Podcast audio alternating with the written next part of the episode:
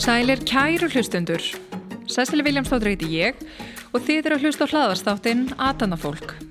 Ég minn ykkur á að þið geti gert follow á Spotify eða Apple Podcast og fengi þá tilkynningu þegar ekki með nýr þáttur í loftið. Viðmæleti þáttarins er Hjálma Gíslason, stopnandi og frangutstjóri Gritt. Gritt tróður hugbúnað sem auðvildar vinnu með tölur, myndrit og útrekninga og skákar þannig hefðbundnum töflureiknum á borðið Excel og Google Sheets. Hjálmar er fættur á 1976 og er alveg í borgarferðinum.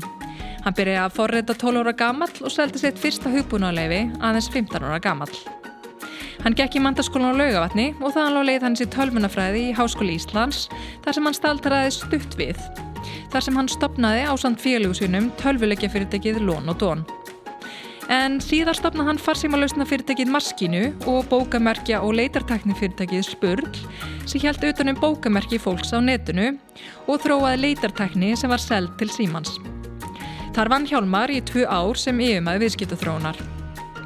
Árið 2008 stopnaði síðan Hjálmar Datamarket sem var fyrirtæki sem þróaði hugbúnað sem auðveldaði viðskiptavinnum að finna og byrta gögn á myndarinnar hátt.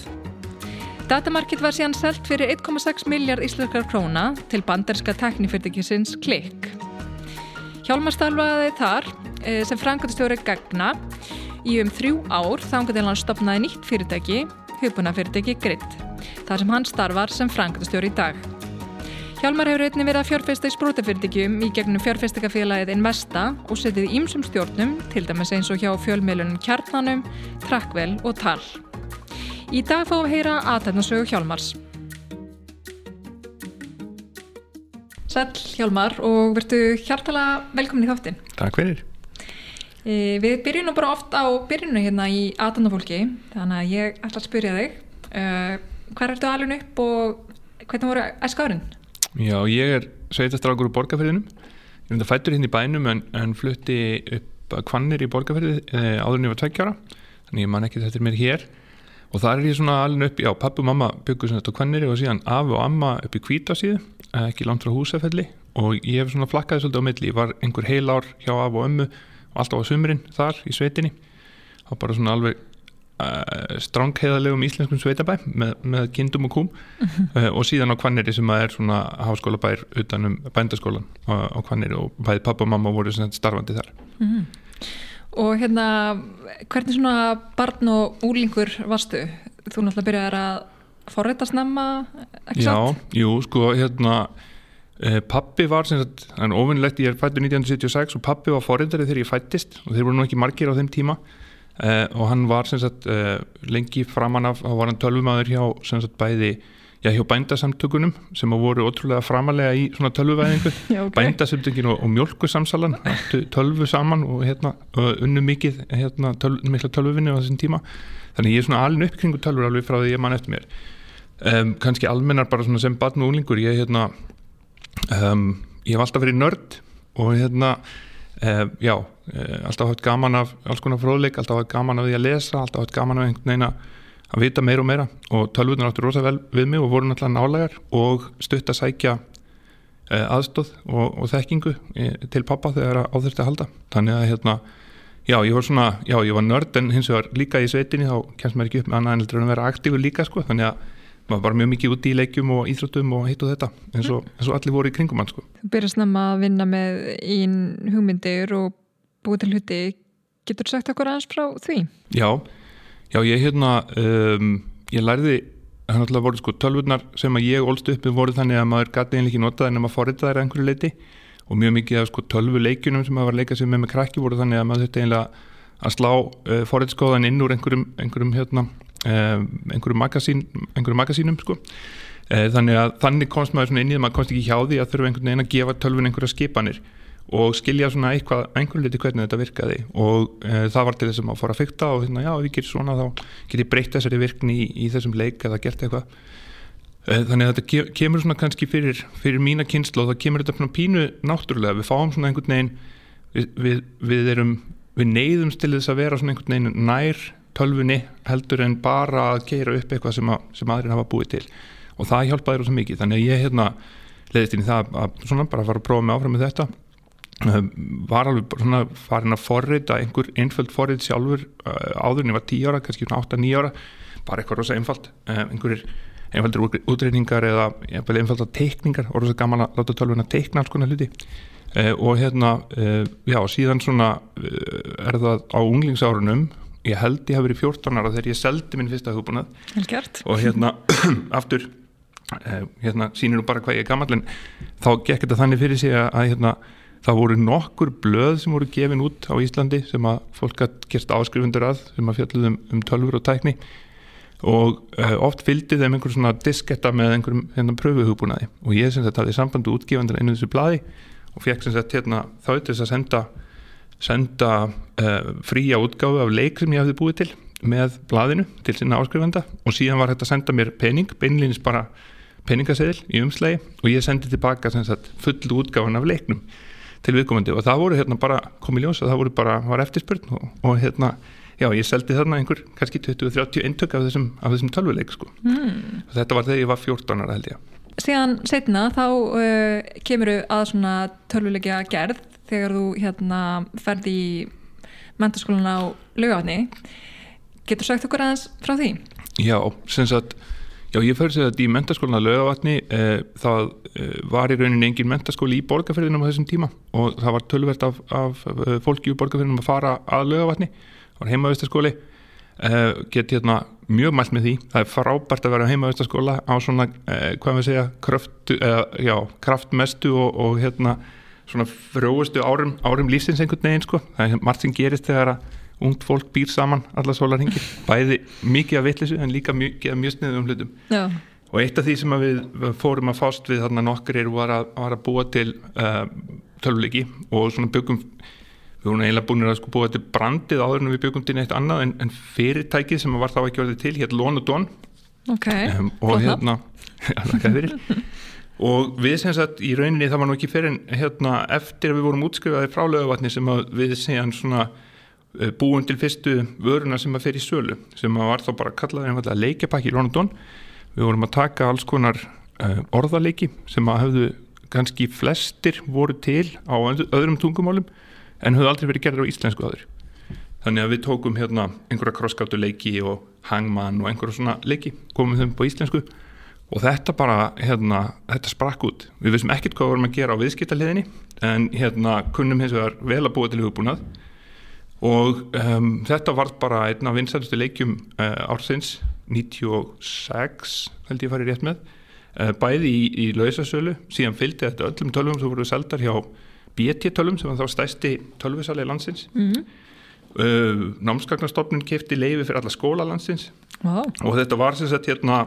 Um, miklu breyðar í hópur heldur maður hefði haldið á þeim tíma allavega mm. að spila því tölvuleiki mm -hmm. bara að vera eftirsput með, með fullonins fólks fyrir því að, að spila krosskáttur í tölvunni og svo framvegi sko. -hmm. þannig að þetta var ósaka mann og mikil skóli Já, við trúum því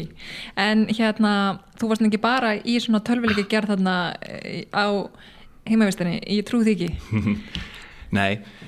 um, sko um aftur, ég kemur aftur þetta saman sko. ég, ég var alltaf verið nörd og ég var alveg klálega nörd í mentaskóla líka en hérna ég var líka íþróttanörd eh, og hérna um, var mjög mikið í íþróttum á lögavatni það var svona sagt sko að hérna um, í ganni að uh, fólk kæmi annarkvort frá lögavatni hérna um, íþróttamennið alkálistar uh, og hérna það var kannski ekki alveg þannig en það var eitthvað, eitthvað til því ég var lítið í áfenginu uh, og hérna en mikið í íþróttahúsinu. Og hérna uh, já var, var mjög mikið sérstaklega í korfbólta og líka í einhverjum hlaupum og hennu þessu. Og hérna og svo var þetta bara aftur, bara allskins vitleisa að hérna Um, nóga tíma til þess að hanga og gera skemmtilega hluti sko aftur þegar maður býr með bestu vinnu sínum Uh, og það var ekkert verið að fara heim um helgar en til að sko, heldur bara, voru við þarna um, vikum saman sko. Já, já, ég trúi því uh, En uh, eftir þessi mentaskóla ár, hvað er að teka við næst hjá þér? Já, þá flytti ég hérna í bæin um, skráðum í tölunafræði í háskólanum um, en við, þá höfðum við nú ekki þeim endilega þar sko. þá var þessi sami hópur sem sagt, þessi sem hópur sem staði að Lónu Dón við vorum fjóri saman þrýr fórum í tölunafræðina og einn var í viðskiptafræði. Og við sem sagt, uh, já komum þessum leikja pakka þarna út í rauninni á fyrstu önninni sem við erum í, í háskólanum. Og þetta var bara svo gaman að hérna, það var ekki tími fyrir skólan lengur sko. Nei, að, hérna, það var ekki aftur snúið. Nei, og við svona hérna, já, fórum eh, ég, já, ég var held ég skráður áfram í sko önnina í vorunina en bara mætti ekki í skólan og, og hérna eh, fór a- á fullt í þetta. Og þarna í rauninni kannski fæ ég fyrsta svona smjörþefina sko viðskipta hliðinni líka. Eh, við vissum hvað vorum að gera allavega þokkalega á hugbúnaða hliðinni eh, og hérna byggum til já, fínan hugbúnað sem fólk allavega vildi. En vissum ekkert hvað vorum að gera í sko markasetningu, verðlækningu sölumálum uh, og öðru slíku og lærðum það kannski bara svona mitt af því að, af því að gera það. Um, eitt af því sem gerir síðan sem er, er hérna svona ákveðin vendipunktur í uh, mínum ferli er að ég man nú ekki hvernig það kom til en um, Rúf, fréttastofa Rúf heyrir á okkur og hérna finnst gaman að taka viðtal við einhverja, einhverja stráka sem eru á, á einhverjum hanabjálka á, á Birkimel í einhverju herbyggi þar að búa til tölvuleiki og hérna mæta þarna á staðinn og taka við einhver viðtal og daginn eftir þá hefur samband við okkur maður frá, uh, frá verbreyfafyrirtæki og spyr hvort við höfum hugsað um að fara í hlutafjárreiningu. Og ég vissi ekki einu sinni sko við vorum nýbúin að stopna fyrirtæki þar sem að einhver góður endurskoðandi var búin að tala, tala okkur í gegnum hérna hvað við þurftum að lámarki að gera til þess að stopna fyrirtæki og svona. Og ég vissi ekki einu sinni hvað hlutafjárreikning var en svona langaði að vita meira. Mm. þannig að við hittumst og hérna uh, hann útskýrir þetta svona fyrir okkur. Uh, hvernig þetta virki allt saman? Við endur endur ekkit á að, vinna saman. En það svona hérna opnaði augun. Og sama tíma var maður líka að byrja að fylgjast miklu meira með bara þetta er hérna 96-7 og það er að springa út uh, svona net bylgjan er að springa út á sama tíma. Internetið er í raunin að komast í almennis hendur þarna á sama tíma. Uh, og maður fór að fylgjast með erlendum fyrirtækjum og maður fór að fylgjast með fyrirtækjum eins og OS til dæmis hérna á Íslandi. Og svona fór einhvern veginn að skilja aðeins betur hvernig þessi tækni heimur virkaðu hjekk saman og þá hérna um, já, eftir sem maður læriði meir um það þá langaði mann í rauninni að fara inn í, inn í þann heim en bæði var maður sjálfur blöytur á baku eiran og, og síðan var þessi bara geiri ekkit, um, ekki nærið því að þróskaður eins og hann er núna hvorki erlendis og alveg sannlega ekki hérna á Íslandi sko. Sér þið ykkur tíman eftir að hafa ekki klárað tölvunarfræðina? Sko ég hugsa ég hefði alveg lært helling á því að klára og ég hérna ég hefði örgulega haft gott af því að klára hana en eftir á að higgja þá hugsa ég að það hefði verið flott með svona góða tölviþekkingu að fara bara í eitthvað annan ám eh, vegna þess að ég er mjög sterk að trúa því að, að góði hluti gerist svona á, á hérna, skilum tvekja, tvekja heima. Eh, og þó ég hefði getað lært meira kannski formlega í tölvunarfræði og um tölvur þá held ég að með þá þekkingu og kannski takandi ég veit ekki, líffræði eða læknisfræði eða, eða eitthvað allt annað fag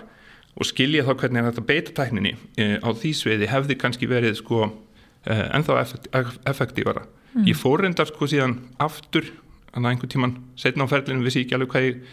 vildi gera næst og þá fór ég í háskólan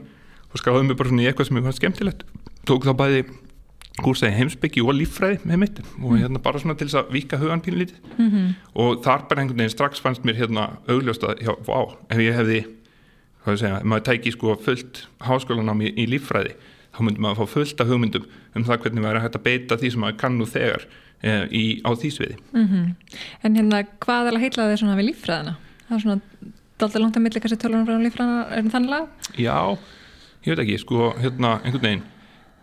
um, það er kannski það kannski ágættist brúð þarna yfir í ég sá aldrei fyrir mér að, að ég myndi vinna við tölfur, ég, það lágu vel við, við mér og það er einhvern veginn voru svona svolítið hverstaslegar, en ég var líka svona frekar, þó ég var í nörd, þá var ég líka mjög aktív, aktífur. Varst langt mest gaman að vera bara einhvers þar úti að, að leika mér og, og hérna um, klifra á fjöll og hlaupa og, og hérna hitt og þetta, þannig að ég var sko uh, einhvern veginn búin að ákveða það að minn ferill hann væri sko alveg örglega ekki á skrifstofu. Um, hérna, heldur í einhverjum svona einhverjum kannski meiri ævintýrum. Og þar á meðal kannski sko, þú veist, hérna um, ætli ég sé ekki svona fyrstu kynsluðinni sem að sem að David Attenborough næri að hafa almennilega áhrif á sko, þannig að maður dáðist að, hérna, að náttúrunni og, og, og lífinu og jörðinu og, og því öllu saman. Þannig að það svona hefur alltaf verið pínu heillandi. Mm. eh, og svo er þetta bara svona svið sem að ég held að við vitum ennþá allt og lítið um. Ég held að sérstaklega á Íslandi þá held ég sko hérna, uh, bara hafið í kringum Ísland er alveg ótrúlega óþektur heimur. Mm. uh, og við lærum nánast ekki um hann í uh, grunnskóla og, og örfa á okkar sem að einhvern veginn byggja síðan sko lifibröðu okkar á hann þó að sko lífið allt á Íslandi einhverju liti hverfist um hann sko mm. þannig að það voru alls konar hluti sem að einhvern veginn, ég hef ekkert allt meira en mér finnast samt ennþá alveg mjög áhugaverði sko. Já, þú var alltaf bara verið þessu ungur árum og, og ákverða þessu sinni að taka ekki inn frekar fjármögnun, allavega inn í þetta fyrirtæki en hvað tekur svona næstið hjá þér? Já, sko við hérna um, við fylgjum byrjunni samt þessari hugmynd eftir uh, og sjáum það hérna, byrjunni bara hugmyndin um það að það væri hægt að fá fjármagn inn í fyrirtæki til þess að fjármagna uh, segja, kostagerð á einhverju miklu stærra heldur en hérna geti nokkuð tíma staðið undir sér að búa til til þess að fara út og selja það setna fyrir miklu meira fyrir uh, hún var þarna alveg ný og hún var svolítið heitlandi það er að segja, hér getum við fengið inn hérna pening og þetta, þetta sem sagt ég, ég svona bara skilja hvernig þetta gæti við höfum gengið upp. Við fáum hérna uh, einhvern til þess að fjármagna fyrir okkur framlegslu á einhverju stóru verkefni Eh, og síðan tekur kannski þrjú ár að hérna, selja þá vöru þannig að að peningur komið tilbaka var svona, þetta var bara nýr hugsanaháttur. Þetta fekk út þess að hugsa stærra. Og við fórum sér og, og hérna, settum sniður þessi sami hópur og, og byggum til plön um tölvert stóran tölvuleik um, við, hérna, við skoðum við skoðum þetta fullt af verkefnum og þau voru ekki öll tölvuleikir en það var svona þar sem við enduðum samt. Og ákvaðum að hérna um, að fara og láta reyna á hugmynd sem að gekk í rauninu út á svona point and click uh, ævintýraleg uh, Monkey Island leikurinn var mjög vinsætlan og okkur fannst það mjög skemmtilega en aðrið svona eins og King's Quest og alls konar quest leikir sem voru líka svona í sömu uh, leikja svona, já, sömu leikja ætt og þessari. Og við sem sagt fengum hugmyndum að búa til svona leikbyggðan á norrannu goðafræðinni. Og hérna förum við það, fáum í það fjármagn frá íslensku fjárfestum og eldum þetta, aftur erum við náttúrulega blöytir á bakvið eirun og, og hérna uh, vitum ekki hvað svona tekur mikinn tíma og kostar mikinn penning en byggum til frábæra eh, frumgerð af, af svona uh, leik þegar við áttum okkur síðan og við þurftum í rauninu að fá meira fyrir þetta. En þá er líka sko, nú erum við að tala um uh, þannig komið sko 98-99 og nú er allt í hennu sko allt á fullu. Þú veist hérna um, svona netbylgjan sem var að byrja þarna, ég var að tala um að vera að byrja 96-7 komin alveg á fullt. Auðvitað sérstaklega út í heimi en líka á Íslandi. Og það er mjög mikil eftirspurðin eftir bara þekkingu og hugmyndum og, og hinn og þessu. Og þarna gerist svona margir hlutir að freka stöðtum tíma um, Lona Dón sem, sagt, um, sem er þá þetta fyrirtæki sem við erum búin að vera að kera þarna í, í þrjú-fjögur ár uh, rennur með þetta verkefni sitt inn í fyrirtæki sem heitir Gagarín og er nú ennþá starfandi og hérna uh, mar, margir þekkja á, á góðu einu. Uh, og hérna þetta verkefni fer þar inn, þar eru líka fullt af öðrum verkefni í gangi og mikil vöxtur. Og hérna svona við förum einhvern veginn og breykum mjög mikið. Hópurinn og einn stór inn í þessu nýja fyrirtæki. Þetta var sem bara saminning uh, og hérna og verða alltaf allskynns tækifæri. Farið svona bísna gesti yfir en, en verða að gera fullt af frábærum hlutum líka. Og svo gerist það þarna á þessum tíma líka að sagt Um, ég ákveð að yfirgefa fyrirtækið og sagt, stopna uh, annað fyrirtækið sem heitir Maskina með Guðjóni Má sem var þá stopnandi ós líka. uh, og sagt, setjum það að stað og þar fórum við í rauninni að elda svona farsímatæknina sem var mjög snemt líka. Þetta var, árið, já, þetta var í lokast 99 byrjun ást 2000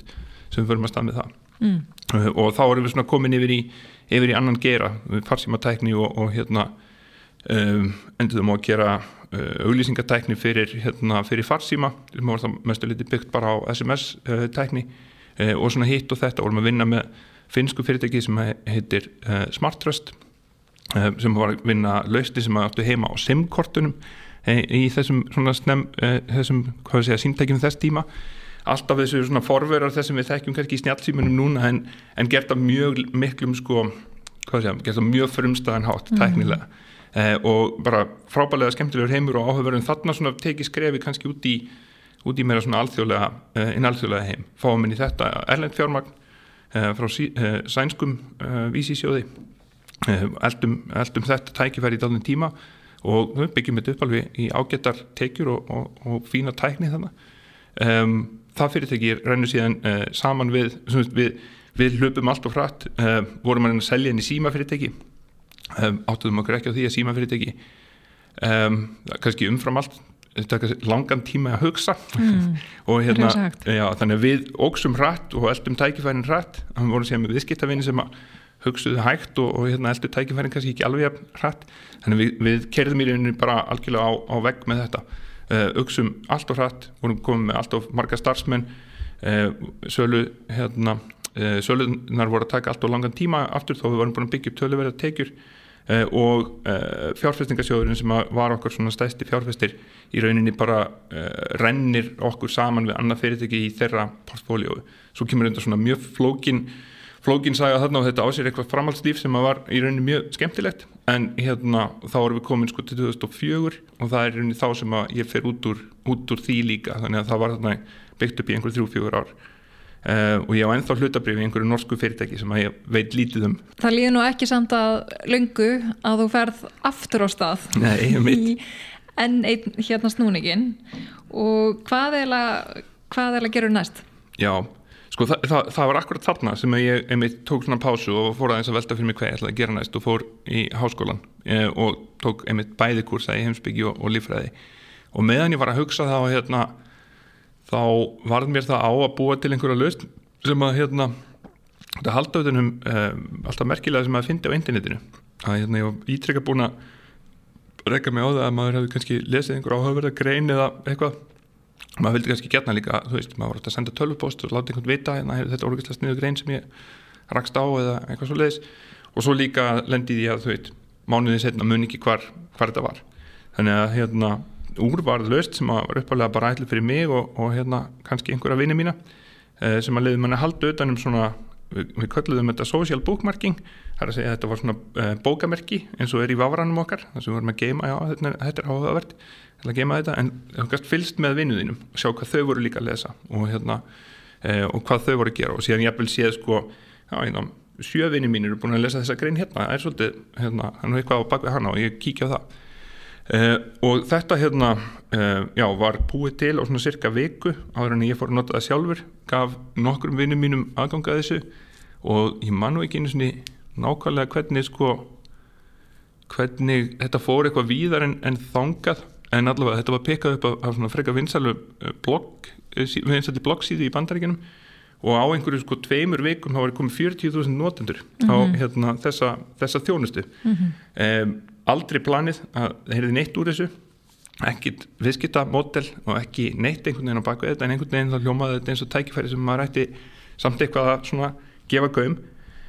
uh, og ég hef svona oft hugsað sko þarna hefði maður kannski grætt á því að vera í aðeins þróskara umhverfi veist mm. þetta svona einhvern veginn ef, ef maður heyrði þessa sögu núna ef ég myndi, Já. ef það kemur einhvern til mín núna og sagði, heyrðu, ég bjóð eitthvað til og það er bara allt í einu, þú veit, 20.000 manna að nota þetta aktíft á hverju minnasta degi Mm -hmm. þá myndi maður, þú veit, vita svolítið, heyrðu, ok, þetta er eitthvað, hérna, það er eitthvað í þessu við skulum pakka þessu, hérna, svona einskoða þetta, við tala við nokkra sem þekkja til og aðtöða hvort það sé ekki hægt að gera eitthvað stort og flott úr þessu, en þarna einhvern veginn sko, verandi með fáa í kringu sig sem einhvern veginn höfðu búið eitthvað svona svipað til og þú veist, það var í rauninni kannski ekki mikil uh, reynsla af því að búa til einhver svona viral product eða social product eða, eða neitt sko Mhm. þá vissum maður ekki alveg hvað maður ætti að gera með þetta þannig að hérna, ég bara held áfram einhvern veginn að dútla mér í þessu Mhm. uh, bý til uh, eða stopna fyrirtæki samt utanum þetta fæ einhvern svona smá pening inn í þetta meðalans bara með því að sko það fyrirtæki var sem bara að taka sér að gera eitthvað annað fyrir þú veist hérna svona einhverja verktakavinnu fyrir, fyrir hinn og þessa samliða þessu til að fjármagna hérna þróunina Já. og svona þetta fekk kannski ekki alveg púðrið sem það átti skilið en, en hérna um, síðan um, tök, tekið þetta samt og pakkaði inn þannig að hérna, uh, ég held sem sagt að leiðin til þess að búa til pening úr þessu Google er þannig að komið af stað með eh, hérna, hvað við segja, búið að búa til fyrstu notafi leitina á, á internetinu og sem gekk út á það að nota upplýsingar af síðum sem að bentu á síður. Þannig að segja, í staðin fyrir að lesa bara það sem stendur á síðunni þá var lesið það sem stóð á síðunum sem bentu á síðun og það var það sem að Google í rauninni gerði svo vel og byggir ennþá á miklu liti á. En við vorum að segja, heyrðu, hér er fólk að segja líka einhverja hluti, hér er fólk að setja einhverja síður í einhverja flokka takka þær einhvern veginn. Vil sko lýsa þeim fyrir vinnu sínum þú veist, hérna, mér að þannig voru komna svona mannlegar upplýsingar inn í þetta líka. Og hérna hugmyndin var við getum búið til ennþá betri leit með því að gera eins og Google og hérna ég vil bara nota þú veist, aðrar leitavelar í grunninn en bæta ofan á það en síðan ef að fólk er að leita að sko hérna um, bara ný, nýlegum fréttum um eitthvað efni eða eitthvað svo leiðis þá getum við, við vitað hverjir allavega voru okkar notendahópi hafa verið að lesa þetta, hvað þau hafa verið að segja og gert ennþá betri leit og ennþá áhugaverðið niðurstöðu með því. Þannig að þannig leiðist við þetta í leitartækni og það finna og þú veist hérna að tilvílunni séu alltaf vannmennar í öllum svona sögum sko. Mhm. að þá er hérna um, þá er það í rauninni á endanum sko leitartæknin sem verður til þess að þetta litla fyrirtæki við vorum orðinir, ég held að við höfum verið fjórir starfsmenn hjá fyrirtækinu. Um, þegar að sko símin er að taka hérna, símin er þá svona að komast úr, úr hérna uh, allavega byrjarum þeirri vegferð að vera ekki ríkisfyrirtæki lengur og setur upp með það að það er einhver símaskrá sem hefur verið gefin út í 100 ár því. Uh, og hérna það er hugmyndin að búa til nýtt fyrirtæki og því. Og það enda sér um því að þau hérna, já þá þurfum við einhvern veginn svona að kunna leita og, og, og eitthvað svona. Og þannig er eitthvað fyrirtæki og þau eru búin að vera að gera eitthvað svona leitadæmi. Sjáum hvað gerist þar. Og það enda sér þetta því að síminn kaupir um, kaupir hérna þetta fyrirtæki spurl það sem við vorum að gera upphálega þessi hérna bókamerkið þjónusta er bara svona löð til liðar og alveg til liðar Mhm. uh, en við byggjum þetta upp þá tæknidildina og verðum tæknidildin inn í fyrirtækinu sem að núna heitir Já og hérna var þá í rauninni spunnið út úr símanum á þessum tíðanbóndi Mm. og ég fer þá að vinna fyrir síman í tvö ár eða eitt og halvt ár eftir þetta bæði með í því að sko, þróa áfram hérna, þetta hjá þessu nýja dótturfyrirtæki en líka í því svona að horfa aðeins á ný tækifæri fyrir síman sem er þá í þessi sko einstöku stöðu og íslensku markað að vera með nánast öll heimili landsins í, í viðskiptum eða allavega nýlega mm Mhm. þá á þeim tíma búin að vera með öll heimili landsins í, í viðskiptum. Eh, hvernig var að nota þá stöðu, hvað hefum að gera í þessum nýja og breyt, hérna, íbreytilega heimi þar sem að netið er komið til sögunar og, og hérna, eitt og þetta? Þannig ég var svona í hérna, ég fekk titilin fórstuðum að viðskiptaþróunar og var í rauninni í því þarna í eitt og halvt ára að skrifa bara uh, viðskiptahugmyndir og viðskiptaplön sem að síðan voru svona uh, lagðar fyrir og fengu mis, misgott uh, brautagengi innan, innan símans og þeirra samstæði sem var virkilega skemmtilegt Já, já, eins og svona oft má vera. En í rauninni síðan eins og með svona mm, social uh, bookmarking þá Mhm. hafa alveg komið upp í rauninni fyrirtæki eins og Delicious og Stumble Upon og, og slíkt Já. sem hafa bara og uh, sérstaklega á sinni tíma er rauninni gert er rauninni mjög gott mót. Þannig að uh, kannski er í rauninni líka sem mandar á þessum tíma að það er náttúrulega svo rosalega margt sem þarf að koma saman og þarna er eins og segir umhverfið bæði svona spróta umhverfið og, og kannski fjármögn umhverfið er kannski ekki orðin og þróskað þannig að og stundum er þetta líka bara spurningum í rauninni, staðsetningu sko þannig að mm. það er svo oft maður í rauninni, maður veit aldrei hvað hefði orðið sko ef maður hafi kannski verið statur á réttum tíma á hérna réttum stað. Algjörlega. Og samt allir ég heldur ekki að gera eitthvað úr því að sko segja að þetta hefði örgla orðið eitthvað hérna stórkvæslegt ef maður hefði verið statur annar staðar en það hefði kannski átt meiri möguleika á því. Það er alltaf þessar tilvílanir og ég heldur við getum meira að tekið þær tilvílanir dálítið lengra sko að það hérna um, í í grunninn þá var þetta ekkit mikið frábriðið því sem að sko fljótlega var síðan að bara svona social feedum á uh, plattformum eins og Facebook eða Twitter eða eitthvað það sem að þú veist, fólk er að láta eitthvað frá sér og, og hérna, þú ert að síðan að fylgjast með því sem vinnir þínir eru að, að segja eða gera eða lesa. Mm uh, þannig að maður getur alveg séð fyrir sér að, að þessi svona grunnur sem var orðin þannig til, hann hefði getað þróast út í eitthvað, eh, eitthvað í átt við einhvers konar svona social ne, hérna, networking forrit eða, eða þjónustur sem að urðu stóra setna en aftur þú veist hérna ég hef líka einu svona heyrt uh, hérna mjög betran professor í MIT lýsa því hvernig hann hefði búið til Twitter árið 1987 sko. Og farið alveg mjög góð rauk fyrir því. Þú veist hérna þá voru allir fítusennir í Twitter voru þarna inni en það var bara hægt að nota þetta á innranetinu í MIT og hérna það var bara einfallega mm ekki réttu tími, ekki rétt tækni, ekki réttu staður. En þú veist, já, í grunninn er þetta sama hugmyndin sko. Já, já, akkurat. Uh, Já, og þú vinnur hérna í viðskiptaþróun í einhvern tíma hjá símanum. Mm uh, en síðan ákvöru enn og aftur að hérna fara aftur á stað árið 2008 og stopna þá nýtt fyrirtæki sem heitir, uh, sem heit Datamarket. Uh, hvaðan svona kom hugmyndin að Datamarket? sko hún kom svolítið mikið úr þessu eins og ég var að segja á hann, hérna hlutverki mitt hjá símanum var svolítið mikið að, að skrifa viðskiptaáallinir og hérna e, e, svona að, að hugmyndum eða jafnvel fyrirtækjum. E, og maður er alltaf að leita bestu mögulegu gögnum. Hvað er markkópurinn stór, hvernig er hann að þróast? Hvernig er eftirspurnin eftir einhverjum vörum eða þjónustum að, þróast? Uh, hvað eru önnur fyrirtæki að gera? Þetta, hérna, uh, þetta er maður að horfa á. Maður er þá að lesa markarsamsvöngna skýslur maður er ofta að grafa í gögn frá hagstofunni. Velta fyrir sér hvernig hérna, hvernig mannfjöldathróunin sé eða aldursamsetningin eða, eða hitt og þetta. uh, hversu mörg fyrirtæki séu veist, á mismunandi stöðum í landinu og eitthvað þannig. Og mér fannst þetta að var einlega hérna, verandi svona, já, verandi nörd þá mér, fannst mér rosalega erfitt að finna réttu gögnin þó ég vissi að þau verið til. Eh, og alltaf þegar maður fann þau þú voruð einhvern veginn á einhverju formi sem að, eh, var erfitt að vinna með. Þannig að maður var að setja rosalega mikið tíma í það að, finna og möndla með gögnin eh, og miklu minni tíma er inn í það að reyna síðan að lesa þeim og nota þau. Og ég eh, fann einhvern veginn hjá mér þörf til þess að að gera þetta betra. Það verður fleiri heldur en ég í þessari uh, aðstöðu. Uh, á þessum tíma eru eitthvað viðskipt að greinda fórið, BI fórið, uh, orðin frekar útbreytt og eru að gefa fólki frekar góða sína því sem er að gerast innan fyrirtækjana, að horfa á reksturinn, búið til einhver dashboard þar sem þú ert að fylgjast með hérna sölunni og, og hérna og veldunni og framleiðinni og, og hinn og þessu, starfmanna, hérna, starfmannamálum og hinn og þessu og Um, en þau sem þurftu á, á því að, að halda að skilja það sem er að gerast utan fyrirtækina þau hafði ekki nærið því að skoða mynda af því sem skipti máli þar. Þá erum við að hugsa um sko þá sem eru í markasetningu, þá sem eru í sölu þá sem eru í, um, eru í strategíuvinnu og svo framvegis og náttúrulega einhvers konar viðskiptathróun og svona uh, ein leiðin sem við notuðum til að segja frá datamarket var að við viljum hérna, búa til samskona sín fyrir þá sem þurftu að skilja það sem er að gerast utan fyrirtækina eins og BI var að gera fyrir það sem er að gerast innan þeirra. Um, förum að stað og hérna það sem gerist þarna, ég stofnaði sem fyrirtæki 2008 og hætti ég á símanum í raunum hösti 2008 uh, og um, margir íslendingar mun eftir þeim tímum. Uh, það var svona eitt og annað fleira sem gekk á og það var allt í mjög mikil og... já, það kemur hrunnið og það var allt í mjög mikil eftirspurn eftir Um, allskyns gögnum. Uh, kannski ekki síst sko svona efnahagsgögnum og, og hérna um, og uh, útskýringum á þeim. Eða svona bara það var alltaf einu fólk sem að hérna það var aldrei pælt í því áður sem voru að velta fyrir sér hvað hva hlutin eins og verk landsframleysla eða, eða hérna uh, eða um, stýrivextir eða eitthvað fleira á hvernig þetta hengi allt saman. Þannig að allt í einu þarna á sama tíma verður stofna fyrirtækið þá verður þetta mjög mikil eftirspurning eftir ákveðnum típum af, af gögnum. Uh, við notum uh, eða grípum þetta svo tækifæri svolítið og erum í rauninni kannski svolítið framalega í tvennu þarna. Annars vegar því að geta sko fundið réttu gögnin og, og tekið þau til og hins vegar að, að bara í myndræðinni framsetningu á þeim og, og svona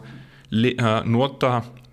tækninu eins og var á þeim tíma til að koma gögnunum frá sér á, á lifandi hátt. Uh, og um, allavega í íslensku sammingi þá verður datamarkað svolítið þekkt uh, fyrir það að svona vera að já, taka gögn sem að kannski að mestu liti lága fyrir en setja hlutin alltaf í sammingi það verður tölverð mikil eftirspöðun eftir því bæði svona að fá okkur til það kannski matriða gögnin svolítið en líka bara það verður eftirspöðun byllinis eftir þessum gögnum. Uh, grípum það, hlupum með það og erum í það miklu meira einbit okkur að svona efnahagsgögnum heldur en við sáum fyrir okkur Um, búindi þjónustu sem hefur verið bara tölvöld vinsal hérna á Íslandi þar sem fólk er að fletti í öllum þessum gögnum og hérna um, á, þú veist uh, svona finnir hlutir eins og uh, við tókum það síðan að okkur þarna árlega þegar sem datamarked var starfandi að taka fjárlögin og setja þau fram á einhvern svona aðeins aðgengilegri og læsilegri hátteldur en það sem að fjármálraðanandi hefði gert. Og ég man eftir því sko að þegar fjárlögin sem 2010 kom út þá voru 25.000 manns á fyrsta sólarhengum sem voru að skoða og grafa sig í fjárlegin í okkar framsetningu mm. og ég hugsa að fjárlegin hefði aldrei fengið jafnveikla útbreyðstu eins og akkurat þá sko. og þá er fólk einhvern veginn bara veist, hvernig er ríkið það, í peningur er ríkið sem að fara og, og, hérna, eh, og svo framvegis mm -hmm. og við notum sér þetta íslenska umhverfið eh, til þess að svona átt okkur á því setja saman tæknina, átt okkur svolítið á, á hérna, því hvað er þetta gera og hvað er þetta gera nýtt og, og svo framvegis og erum þannig að lesa gögg frá Hagstofunni, Sælabankanum uh, hérna Gallup uh, og allskins uh, sem þá heit Kapasend allskins hérna öðrum svona íslenskum gagnaveitum. Og náum að búa til frekar gott um, góða mynd af svona íslenska íslenska efnaðaskerfi nú erum við alls konar verkefnum fyrir hinn og þessa hinn og þessi fyrirtæki alveg frá böngum upp í, upp í ríkið um, í þessum hérna í þessum pælingum og svo 2011 þá í rauninni tökum við þetta finnst okkur, uh, við erum búin að taka þetta að setja saman eitthvað, eitthvað sem er eftirsvonavert uh, og förum að, að uh, tengjast erlendum gagna veitum líka. Mhm. og þar hjólum við fyrir eitthvað hrætt í hlutina förum í hérna uh, í Alþjóðabankan uh, og saminnið þjóðunar og hitt og þetta. Allar svona stóru gagnaveitunar og síðan alveg niður í löndin uh, niður í hérna hagstofur mismunandi landa og, og hitt og þetta tökum öll þessi gögn inn, ég held að við höfum náð þarna einhverjum 250 gagnaveitum inn í þetta og uh, stefnum á alþjóðlegan markað. Og hérna, þá flytt ég til Boston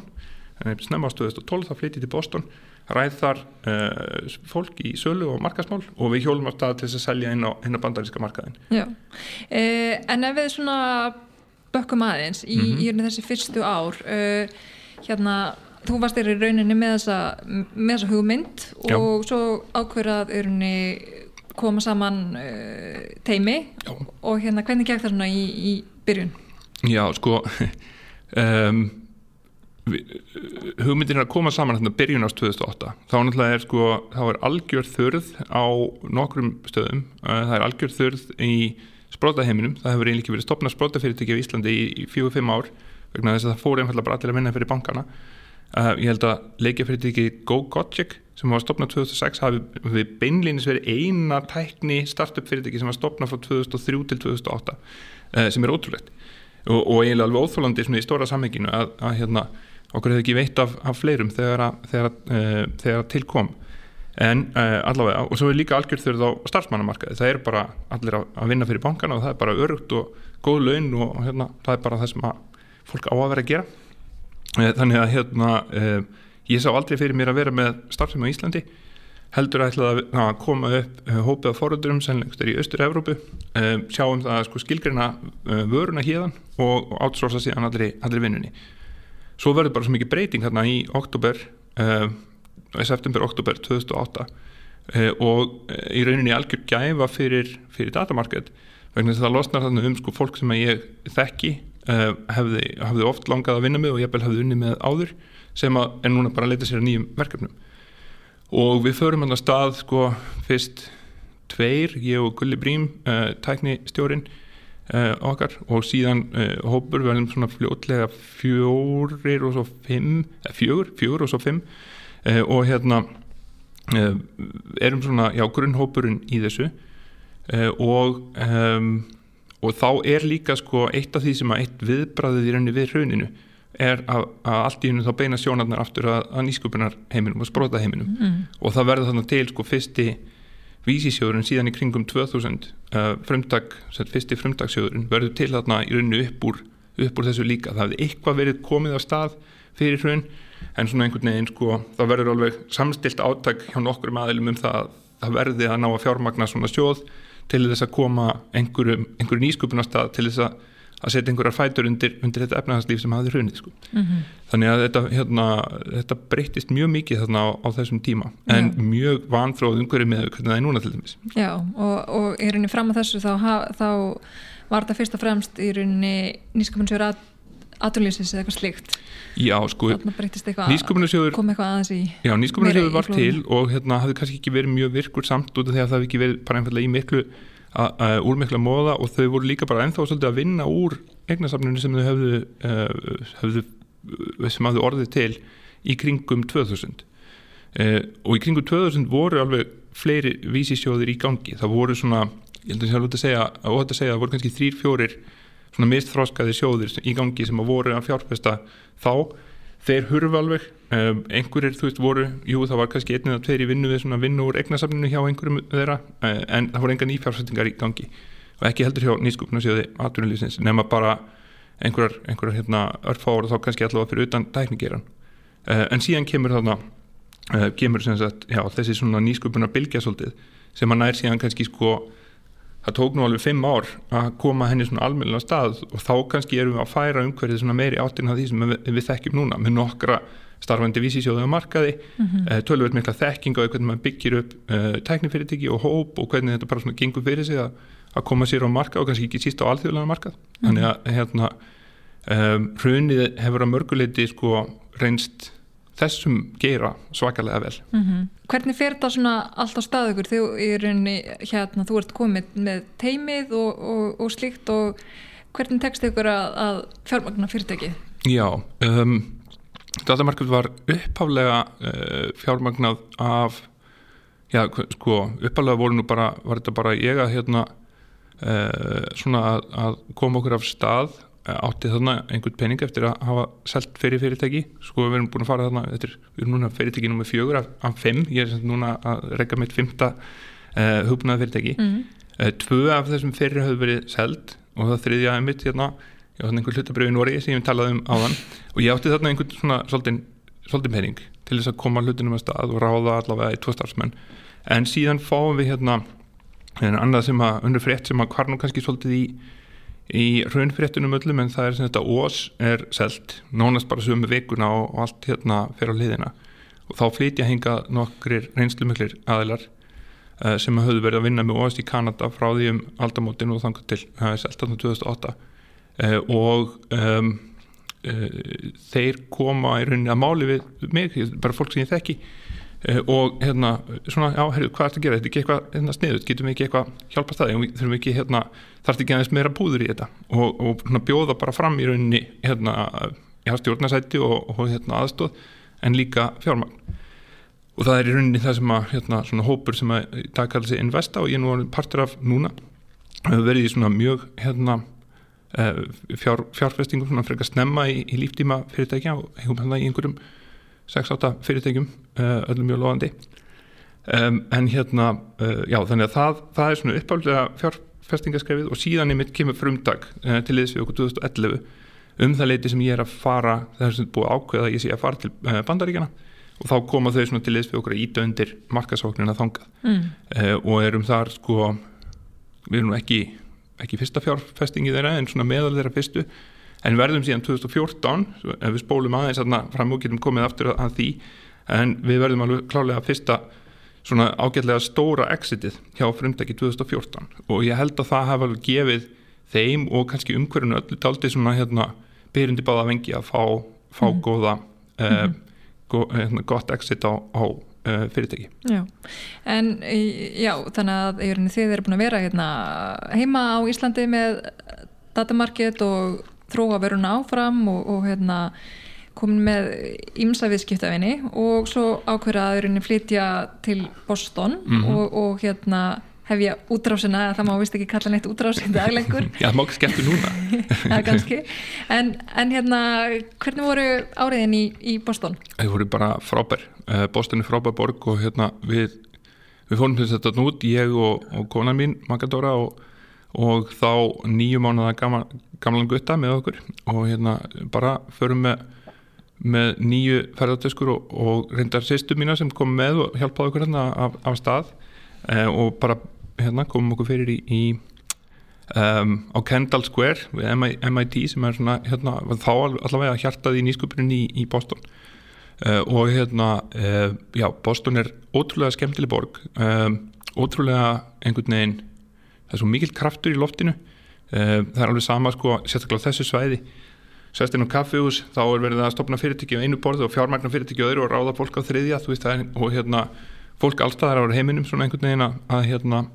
uh, leita gefinar eða að læra í þessum bestu háskólum heimsins mm -hmm. uh, MIT og, og svo Harvard þarna skamt frá líka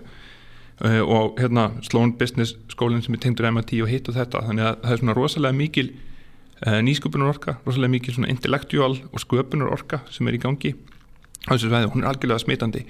Eh, og þetta er bara þú veist það sem að þau sem hafa verið í San Francisco og í Silicon Valley þekkja líka mm -hmm. mjög vel þaðan. Eh, þannig að hérna eh, borgin er frábær, umhverfið er frábært og hérna við förum hann á stað og, og gengur í rauninni bara bísna vel. Eh, byggjum þetta upp sko þetta er snemma á 2012 sem við flytjum á okkar eh, byrjum að selja 2013 erum við búin að ná að byggja þetta upp í næstu í 2 miljónu dólara í árstekjur. Sem var bara svona eftir á að higgja frekar rætt og maður vildi alltaf að hlutinni gengi, gengi ennþá hraðar. Og þá kviknar í rauninni sko, við erum bæði í rauninni að, að leita okkur að, að fjármagnir til áframhaldandi vakstar en líka e, sem, að, sem er náttúrulega allt öðru í þarna, miklu stærri markaður, miklu fleiri hérna sjóðir og, og svona miklu þróskar umhverfið þar heldur en, heldur en hér. Eh, en síðan komumst við líka í samband við og svona sagan fyrir svolítið í ring að hérna, eitt af þessum viðskiptagreindar fyrirtækjum, leiðandi viðskiptagreindar fyrirtækjum sem heitir Klikk eh, verður, eh, hérna, kynnist okkur, sér hvað við erum að gera og átt að sé í rauninni á því að, að ytri gögn eiga ekkert síður heima í, í þeirra tólum heldur en innri gögn mm -hmm. og gera okkur sem sagt yfirtöku tilbúið lokast 2013 mm -hmm. og það sem sagt fer í gang ferli sem tekur nú reynda næstu því heilt ár nýju mánuði að klára ferli en, en 2014 þá kaupir klik sem að þá er fyrirtæki sem er skráð á, á Nasdaq datamarket fyrir 15 miljón dollara og hérna á þeim tíma var það eh, mjög svona stóru upphæð og, og svona frekar stort, stort mál fyrir allavega íslenska íslensku nýsköpunarseruna. Hvernig byrjaði í raunin þetta samtal og hérna samband á, á milli datamarkit og, og klik? Hvernig kom það til? Já, sko, ég held að allar góðar allar góðarsölur og reyndar örglega margar hérna minna góðar eh, hefjast oftast með einhvers konar eh, einhvers konar samstarfi einhvers konar partnership. Uh, og það var alveg þannig hjá okkur líka. Við vorum svona hérna við byrjuðum á að, við í rauninni vorum búin að fatta það að það var eftirspurn hjá sama fólkinu uh, eða það var eftirspurn eftir gögnunum okkar inn í viðskiptagreinda tólinn og vorum svona aðeins að fyrrabræði búin að pota í, í hérna, einhver viðskiptagreinda fyrirtæki um hvort, hvort að samstarfum allavega sölu uh, og það jafnvel tækni þróun ætti rétt á sér. En svo er sko veist, enn og aftur endalusar tilvílanir þá er það í rauninni sko sambandið klikk kemst uppálega á þannig að fórstjóri Kapasend og Íslandi eru á aðstöfnum með einhverjum á stjórnendum klikk held ég í Svíþjóð.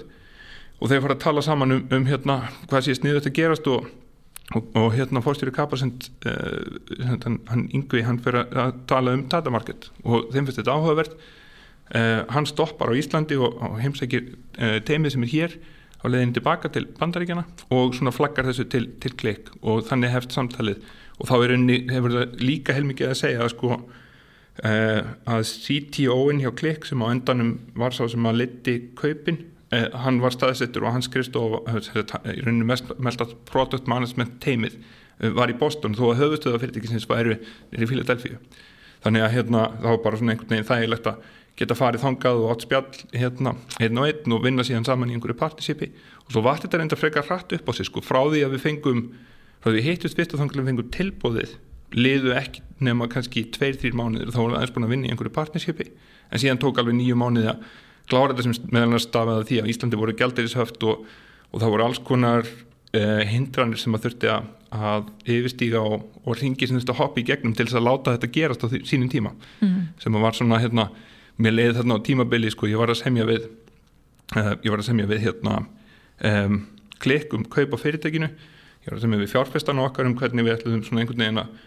uh, að ganga frá, ganga frá þeirri hlið á, á dílnum. Uh, og síðan var sem þetta verið að semja við Sæðlabankan og Íslenska ríkið um hvað mátti gera sko. Þannig að það var svona já þetta var svona four-way samtal sem þurfti eiga sér stað. Já, þannig að þetta hefur verið svona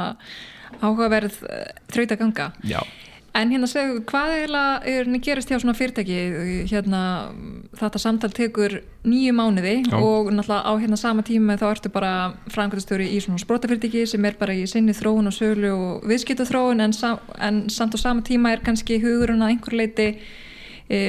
kannski komin e, sem sagt, e, sem sagt ekki út en allavega er kannski við í þessar sölu, þessar mögulega sölu. Já. Hvernig verður svona, já, hvernig er svona sigla í gegnum svona fasa sem frangvöldstjóri? Sko þetta er bara mjög flókið um, og hérna ég held að þarna hef ég lært svona einu af mínu stærstu leksíum það er það að sko uh, þetta var þó þetta við tekið nýju mánuði þá voru aldrei nema fjóra vikur eftir sko uh, maður held alltaf að þetta var að klárast á næstu fjóru vikum og var að haga sér svolítið í samræmi við það. Að bara þú veit þetta er að klárast, þetta er að fara að gerast það var aldrei einhvern veginn, það kom aldrei neitt hík þannig í sko samræðun að bara þetta er ekki að fara að gerast þetta er að detti sundur sko, heldur var þetta alltaf svona einhvern veginn bara tók meiri tíma og auki flækjusteg og jú kannski eitthvað svona smá hérna, uh, setback öðru hverju. En þetta var alltaf að fara að gera þetta var alltaf að fara að klárast og maður trúði því alltaf. Uh, en það veist teiminu og móralnum hérna heima fyrir. Af því að hugurinn hjá mér var bara að láta þetta gera og láta þetta klárast. Hérna, ég hefði náttúrulega verið í rauninni þó við varum með sölumenn í vinnu þá hefði ég verið samt aðal sölumadur fyrirtækisins bara með svona backup frá, frá þeim. Það dettur svolítið upp fyrir að þú veit halda því gangandi og halda þeim boltum við og svona vörð þróunin sjálf þú veist sem, að, sem betur fyrir sko bara frábær hópur og við vorum hérna við vorum samstilt á sko visjónuna hvað við varum að byggja þannig að þú veist hérna það var svona byggt í rétt átt en samt ekki haldið nærið því að þétt utan en það eins og það hefði verið gert fram að, fram að þeim tíma. Þannig við vorum í rauninni sko líka komum bara aldrei langt uh, við vorum betur fyrir komið með tölverða tekjur og, og það er heldu uh, heldu okkur gangið en við vorum samt að brenna pening þannig að sko peningastafan var orðin frekar döpur þarna Uh, af því að við höfum heldur ekkert farið sko þá tímanlega út að sækja auki fjármagnar eins og við vorum rétt í þann mynda að fara að selja fyrirtækið mm -hmm. sko þannig að hérna þannig er alveg stór leksi að sko þó að svona verið að þessi í gangi þó að það séu spennandi og þó að það er lítið vel út og þó að mann haldi þessi alveg að klárast þá munir þetta taka tíma og það má ekki taka fókusin frá því að halda fyrirtækinu gangandi og ég held að bara ef ég, ef ég sumera það upp um leiðum að það er farin sko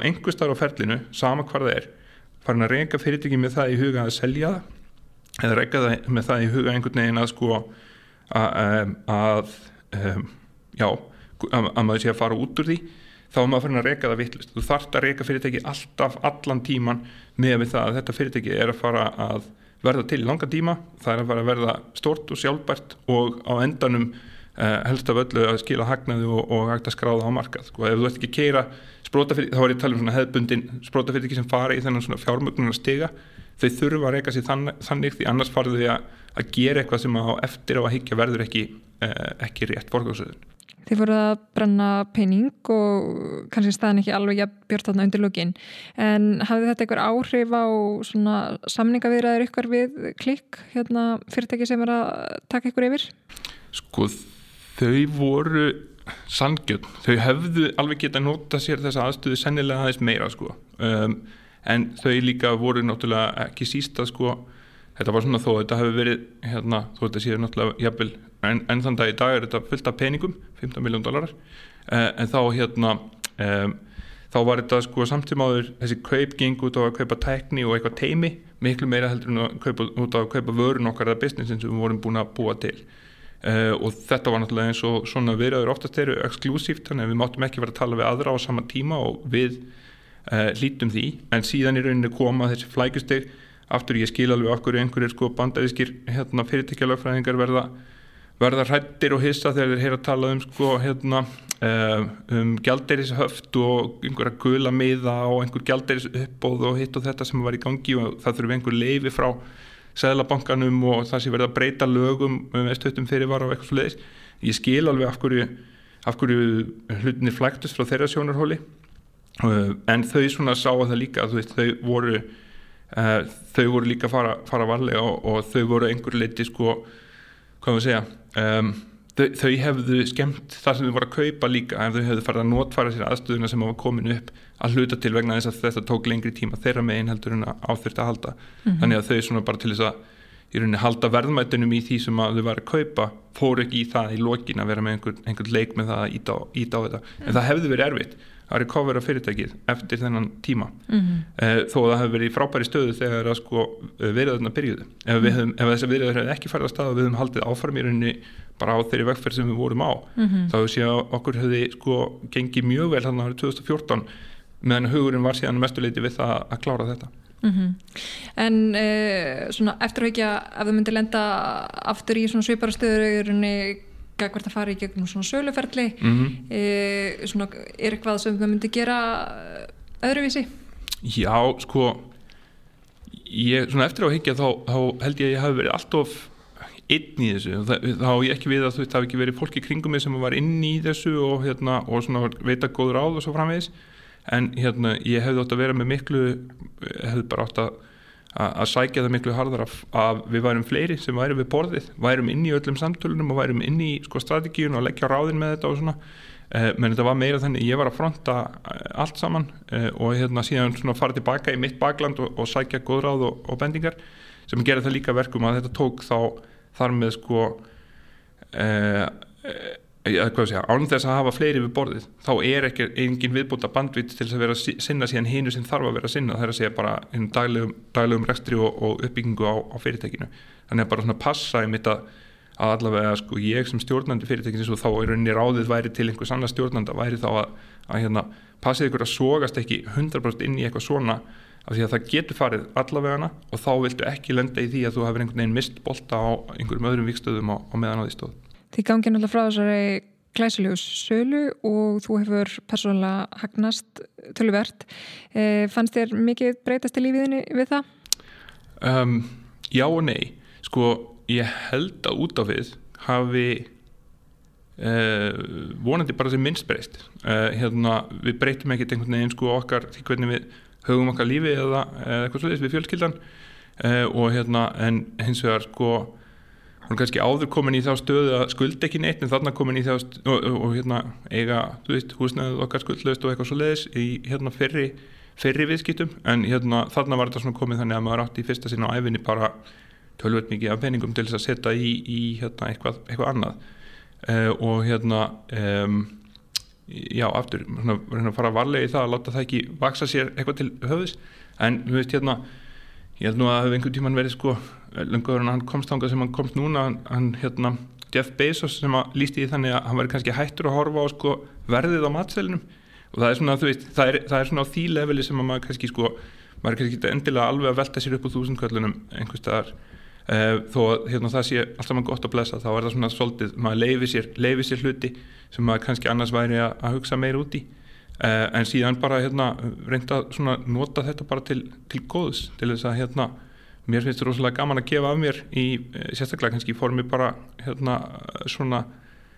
e, góður að ráða og bendinga eða allavega ráða e, og bendinga e, til, til annara og eitthvað fjárfestum mitt í einhverjum sprótafyrirtækjum og svona komið af, af, af stað einhverjum hlutum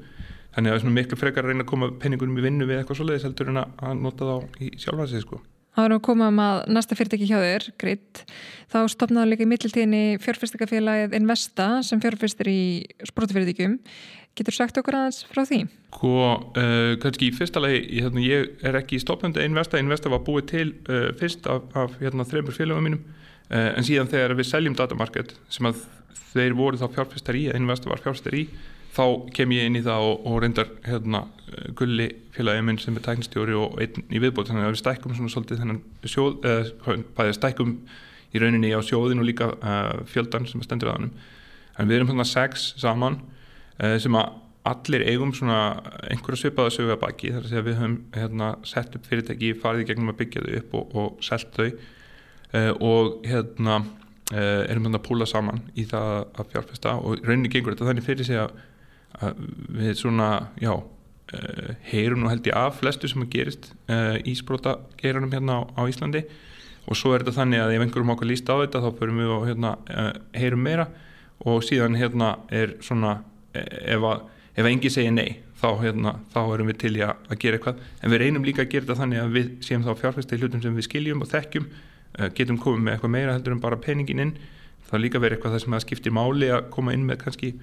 10-20 miljónir en þetta fyrir að snemma. Við viljum hérna helst svona uh, heyra í fólki mjög, mjög snemma á ferlinum. Og síðan að, að fylgja því eftir. Ekkert endilega með því að koma í stjórn en svona þú veit geta allavega geta allavega að því marki sem við höfum eitthvað fram að færa komið því að líka. Og það hefur reynst ágætlega. Hins vegar þetta líka þannig að við höfum síðan allir og við erum, þetta er alltaf mann kallar Uh, við höfum allir einhvern veginn, erum núna á kafi okkar eigin verkefnum. Þannig að hérna uh, þó að það sé gaman að hitta frumkvöla og heyra af nýjum hlutum og eitthvað sliðis þá erum við bara einhvern veginn allir á kafi í okkar og þá er bara hugurinn þar þannig að við mhm. höfum lítið gert núna síðustu tvö árin af nýjum hlutum mm -hmm. en erum þarna með já, fjárfæstingar í einhverjum 6-8 sprótafyrirtækjum sem að öll eru bara mjög lofandi og hérna sum þeirra svona meðal þeirra meira lofandi sem eru á, uh, eru á hérna Eh, að svona reyna fyrir sér í, á íslenskum sportamarkaði í dag Ég ger hér stuttlið til að færa ykkur skilabóð frá kostunarala þáttarins Æslandir Er ekki allir að fara að komast í jólafíling? Jólafíling Nei, ég ætla nú ekki að fara að syngja fyrir ykkur En þá eru það jólagjafinnar og fyrirtæki þurfa líka að gefa starfsbönnum sínum jólagjafir Það er ferlega smart að gefa ferðagjafabrif frá Æslandir jólagjöf Það er að smetla bara línu á fyrirtæki at icelandair.is og fá tilbúð. Og snúum okkur aftur af viðtælinu. Hendi klára þess að sölu við klikk og þú fyrir að vinna hjá fyrirtækinu. Hvernig var þetta stökk fyrir frumkvölin að fara inn í þetta stóra banderiska fyrirtæki? Já, sko, um, hérna, frábærspiltingum, mjög eftirminnilegu tími. Um, ég var sem sagt, það var nú ekki það var nú ekki sko, ég var ekki skuldbundin til að vera þarna í, e, í einhver tíma en ég hefði svona gullrótt til að vera þarna í þrjú ár eftir söluna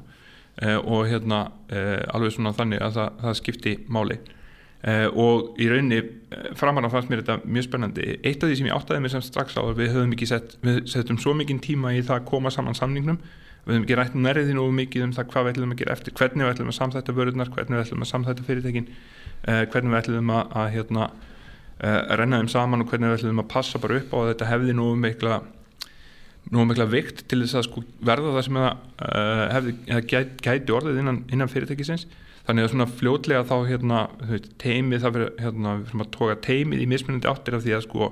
þó að það er sér augljóst hvað þarf að gera fyrir þetta verkefni þá er fyrirtækið samt með einhverja, sko, einhverja á einhverju annari vegferð og svona já við þurfum að fá hérna fólk í þetta og fólk í þetta og einhvern veginn það fyrir svona þess að uh, aðeins að hérna, verða minna fókusir á það sem að teimið er að fást við. Uh, og, uh, og eins þá bara var ekki nógu mikið gert í því að, að bara koma teiminu sem hér var með veist, fínan kultúr utan um það sem að, var að gerast hér inn í heildarkultúrin. Við ráðum síðan tölverta fólki og það er svona eitt af því sem ég vil aldrei upptíkina á íslensku markað er að það er aldrei tveir heimar í upplýsingartækninni það er sem sagt hérna svona fólkið sem að lifir og hærist í sprótaheiminum og maður ofta rekast á sama fólkið eða sömu hópana fólki í, sko, í sprótafyrirtækjum sko á mismunandi, hérna, mismunandi kynsluðum sprótafyrirtækja uh, mjög þekkt, þú veist hérna hvernig uh, þú veist, Ós hefur þú veist hérna leitt af sér fullt af fyrirtækjum og hvernig Plain Vanilla hefur leitt af sér fullt af fyrirtækjum og svo framvegis. Og svona svolítið þú veist hérna bæði svona menning sem að fylgir því en líka bara þekking og, og hérna tengsl og hitt og þetta sem fylgir þessu. Þannig að maður er svolítið hérna, það er einhver hópur, ég veit ekki hvað hann er stór 1500 manns eða eitthvað sem eru svona að vinna hjá sprótafyrirtekinum og svo er upplýsingartæknin þar fyrir utan sko kannski 3000 manns eða eitthvað svolítið sem að vinna í böngum og í e, eh, fjarskiptafyrirtækjum og, og stóru upplýsingartæknifyrirtækjum eitthvað svolítið og þessir heimar skarast alveg förðulega lítið. Og hérna e, það sem gerist þarna hins vegar þegar sko við erum álinn part af miklu stærra fyrirtæki við fyrir alltaf inn að fá umsóknum frá fólki sem við höfum aldrei séð áður, fólki sem varum að vinna hjá böngum eða eða upplýsingartækni, stóru upplýsingartækni fyrirtækjunum eða fjarskiptafyrirtækjunum eða eitthvað svo leiðis og það einfallega bara sko, kemur í ljós að það er aldrei öðruvísi uh, það er alltaf vant miklu meiri struktúr og hérna, sem að einhverju leiti fyrirtæki eins og klikk er, er með. En hérna, ekkert endilega mjög Uh, á ekki endilega fulla samleið uh, allavega nema maður uh, haldi mjög vel utanum það. Með fólki sem er vanar að reyfa sér miklu hraðar, vanar miklu kvikari, miklu meiri óvissu eh, og svona því sem við þekkjum úr, úr sprótaheiminum þannig að það var svona einn leksíðan hérna heima var að eh, það þarf að halda rosalega þétt utanum sko bara kultúruna menninguna aðlaðanu auðvitað einhverju leiti að sko nýjum hérna, eh, hvað sé ég að fyrirtekjum sem var að kaupa. En líka einhvern veginn bara átt að segja á því að sko Uh, svona stór fyrirtæki sem virka bara allt, allt öðruvísi. Það er öðruvísi fólk sem virka best í þeim það er öðruvísi prósessa sem virka best í þeim og hérna það er ekki endilega sko einu svona sama fólki sem að á að vera í, í fyrirtækjum svona sitt hverjum endanum á þessu. Uh, þannig þetta var svolítið svona reynslan hérna heima. Fyrir mig sjálfan sem var áfram út í Boston og ég bara í rauninni að starfa við hliðina á, á CTO-unum og svona við erum hérna kannski tveir sem að erum erum svona uh, já, í rauninni frangandi stjórar vöru stjórnunar á samt honum uh, og erum hann að leiða sko þróun hjá einhverjum sko 600 forriturum í 2500 manna fyrirtæki Uh, og hérna allt, allt öðruvísi, allt annað. Rosalega spennandi, rosalega mikið bólmakt til þess að gera hluti og þú veist það var svona um, fekk alveg að fekk alveg að reyna það að þú veist maður komið með stórar hugmyndir og, og unnið þeim brautagengi og fengið að, hérna, að gera uh, frábæra hluti uh, en leiðin til að gera það var náttúrulega líka allt öðruvísi svo hérna var náttúrulega líka ég er hérna orðin sko stjórnandi í skráðu fyrirtæki á, á Nasdaq sem er líka frábærlegs í að skilja hvernig bara það virkar að vera skráður á markað og, og hvað má segja og hvað má ekki segja og hvernig maður segja það. Ég fekk til dæmis þjálfunni því bara að koma fram fyrir hönd hérna, skráðs fyrirtækis, hvernig maður átt að svara á hvernig spurningum og hérna, vera svona að passa sig að vera alltaf á fyrirtækja línunni þó maður verður náttúrulega líka að segja bara það sem manni finnist og það sem maður, hérna, það sem maður svona, innan þess ramma sem maður bara hægt að, hægt að tala. E, þannig ég var einn af kannski fimm sem að fengu að bara vera rödd fyrirtekins út af því sem var rosalega gaman uh, tala á stórum kynningum og hérna, standa í sal fyrir framann sko, næstu í 5.000 manns að einhvern veginn kynna nýjust útgafa af vörunni, svakalega hérna, skemmtilega reynsla. En það var líka rosalega mikið af einhverjum svona fundum sem mér fannst ég ekki verið að skila virði á eða ekki verið að skila mér virði uh, og svona ég áttaði mig svona frekar fljótt á því að ef ég fór hefur daginn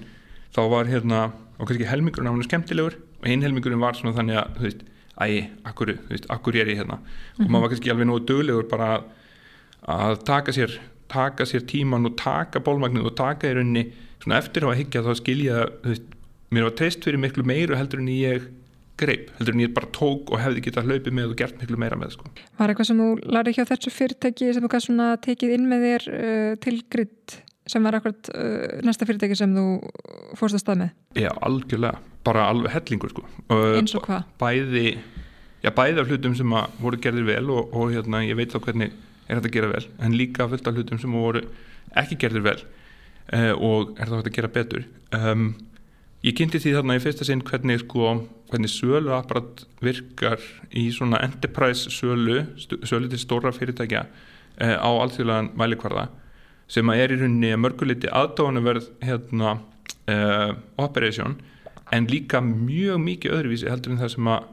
sko það sem að maður svona þekkir tæknimegin úr, úr fyrirtækjum uh, aftur, fólkið einfallega bara er öðruvísi, það er annað sem drýfur það áfram. Uh, ég held að ekkert þeirra myndi móðgat þó ég segja að það sé bara drefið áfram af peningum. Og hérna það er bara einhvern veginn nummer 1, 2 og 3 það er bara þú veit hvernig get ég búið til pening fyrir fyrirtækið og hvernig býr það að búið til pening fyrir fyrirtækið til pening fyrir mig persónulega. Uh, og það er hérna menning sem að er mér ansi fjarlæg og framandi en var bara áhugavert einhvern veginn að sjá hvernig það virkar. Og þetta liti í sjálf og sér af sér sko fullt af góðum hlutum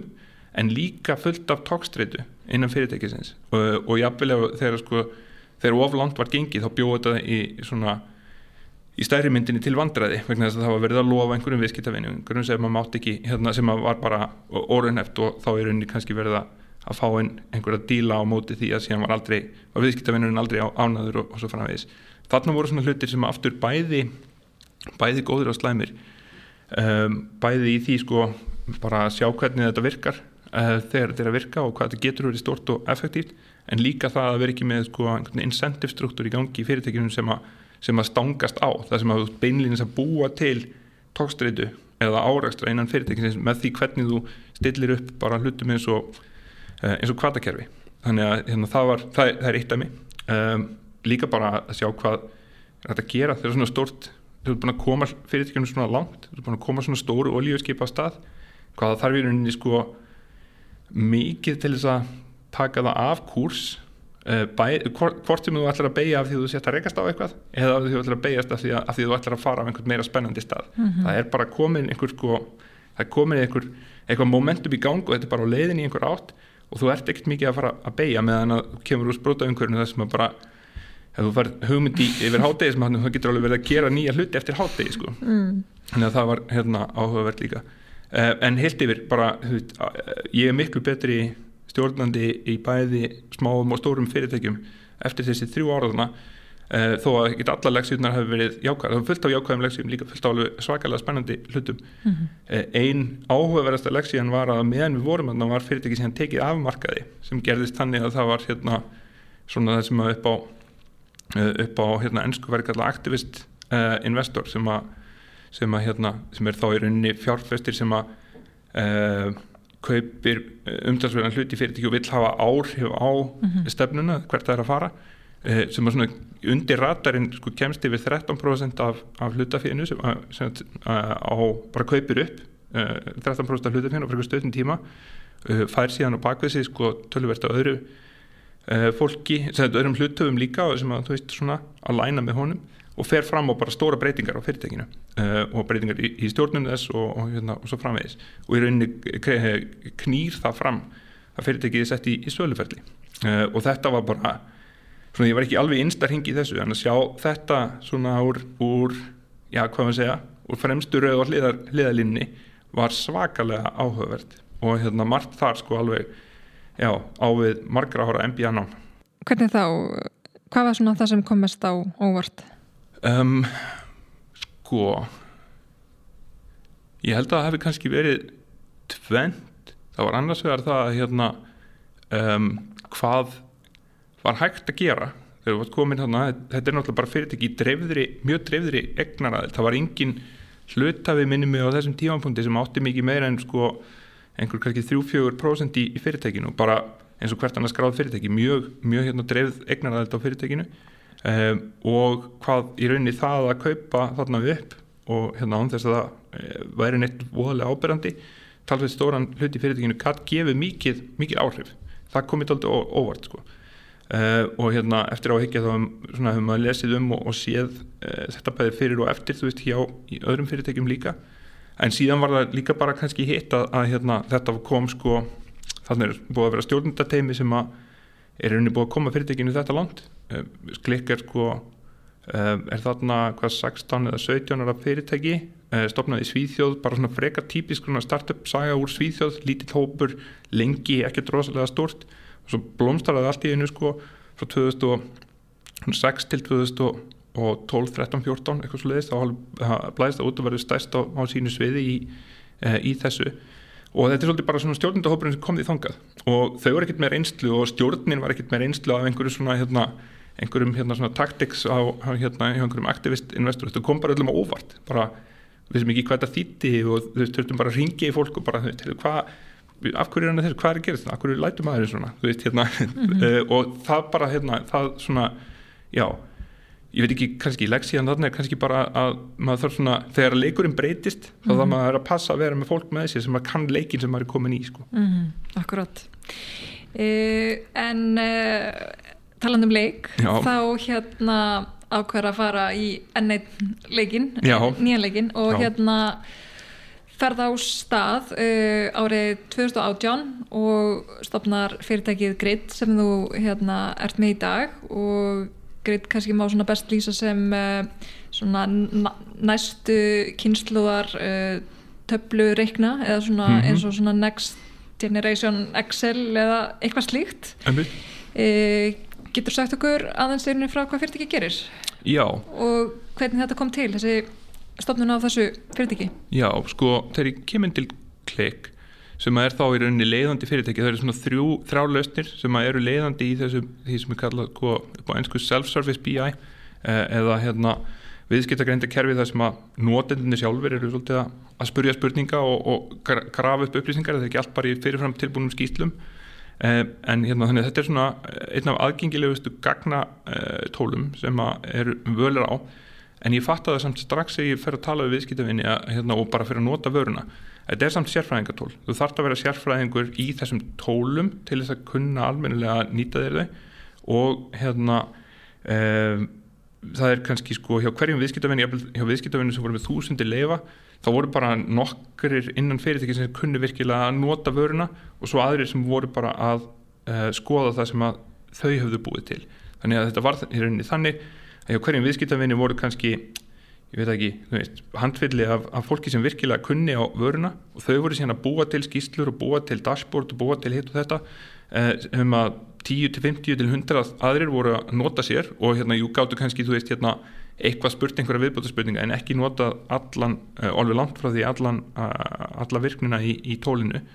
Uh, en það er ekki eins og þessi 10 til 50 manns sé ekki að til 100 sé ekki að nota tölur og gögn og gera gröf og hitt og þetta allan daginn. Þau eru bara að gera það í töfluregnum og ég einhvern veginn var svolítið sko ég var svona hugfangin af þessu skrefi á milli sko töfluregnana sem að einhvern veginn allir nota það er miljardur manna, uh, kannski 1,2 miljardur manna í heiminu sem nota töfluregna til þess að vinna með tölur og gögn og síðan svona sérfræðingatól sem að kannski örfáar miljónir í mestalagi kunna á. Og þarna á milli er bara, er bara reysastort gap. Þannig ég fór að velta við mér, getum við ekki gert eitthvað meira? Þú veit, það hefur ekkert stort gerst í rauninni síðan bara fyrst í töfluregning kom fram 1979, eh, vissi kalk. Eh, þá hefur ekkert stórt gerst fyrir það bara að leifa okkur svona venjulega fólkinu eh, sem að þurfum að vinna með tölur og þurfum að skilja tölur og þurfum geta sagt sögur í tölum og uh, gert einfalda útreikninga og, og svo framvegis hefur ekkert stórt gert fyrir okkur allar þennan tíma því að töflureiknirinn er í grunninni alveg eins og hann var 1979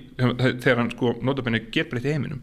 Um, og var svona hérna, töflureiknirinn miklu merkilegri heldur en fólk átt að segja á þetta. Er rauninni fyrsta ástæðan fyrir því að nokkur myndi hafa tölvun á skrifstofu, það var töflureiknin mm. eh, og síðan vindur það upp á sig og verður að, að því sem við þekkjum í dag það sem er náttúrulega óhugsandi að,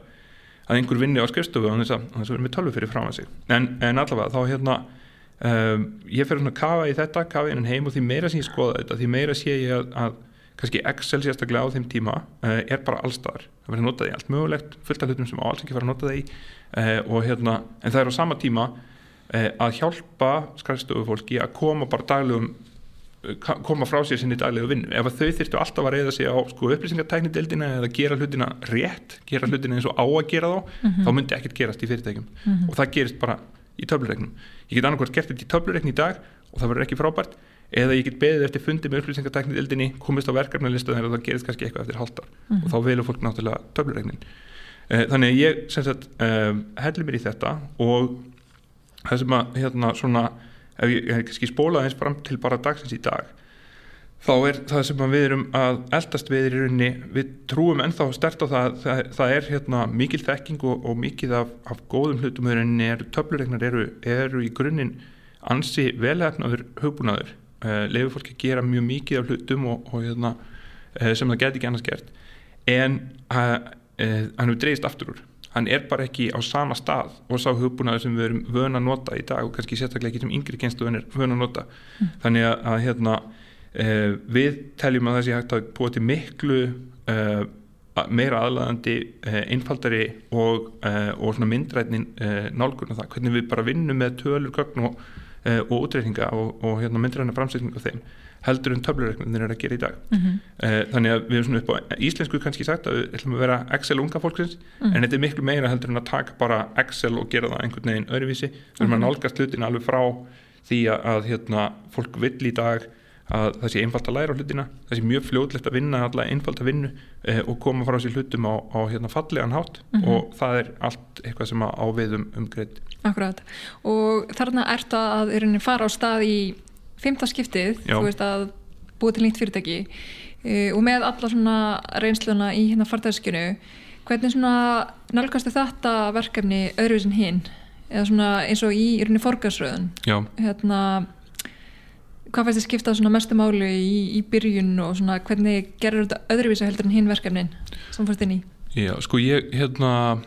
stæsti munurinn hefur verið, ég var miklu meira að uh, hugsa um það frá fyrsta degi, hvernig ætlum við að hvernig ætlum við að marka sér þetta, hvernig ætlum við að vekja okkur aðdegli, hvernig ætlum við að selja þetta? Og, og, hérna, og vera eininni með sko bara miklu meira með notendurna og, og hérna hinn svona fyrir síðan viðskiptafinn með okkur í ráðum frá, frá fyrsta degi.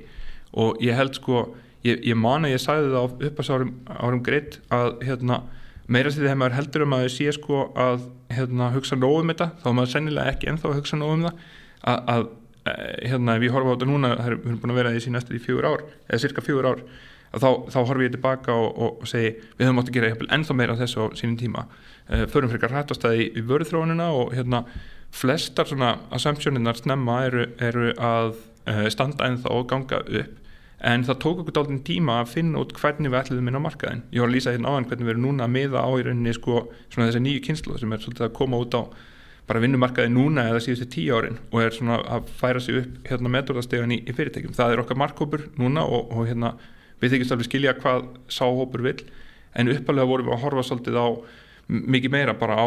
svona langt leita Excel notendur og, og Google Sheets notendur sem kunnu fullt og voru með mjög svona tæknilega þekkingu eh, og það sem við þetta að gera síðan er bara að lækka eh, kurvuna, svona lærdómskurvuna sem þurfi til að komast inn í tólið og gera þetta alltaf miklu meira aðlæðandi, uh, gera miklu meira usability og, og svo framvegis mm -hmm. þannig að jáfnvel sko bara þó,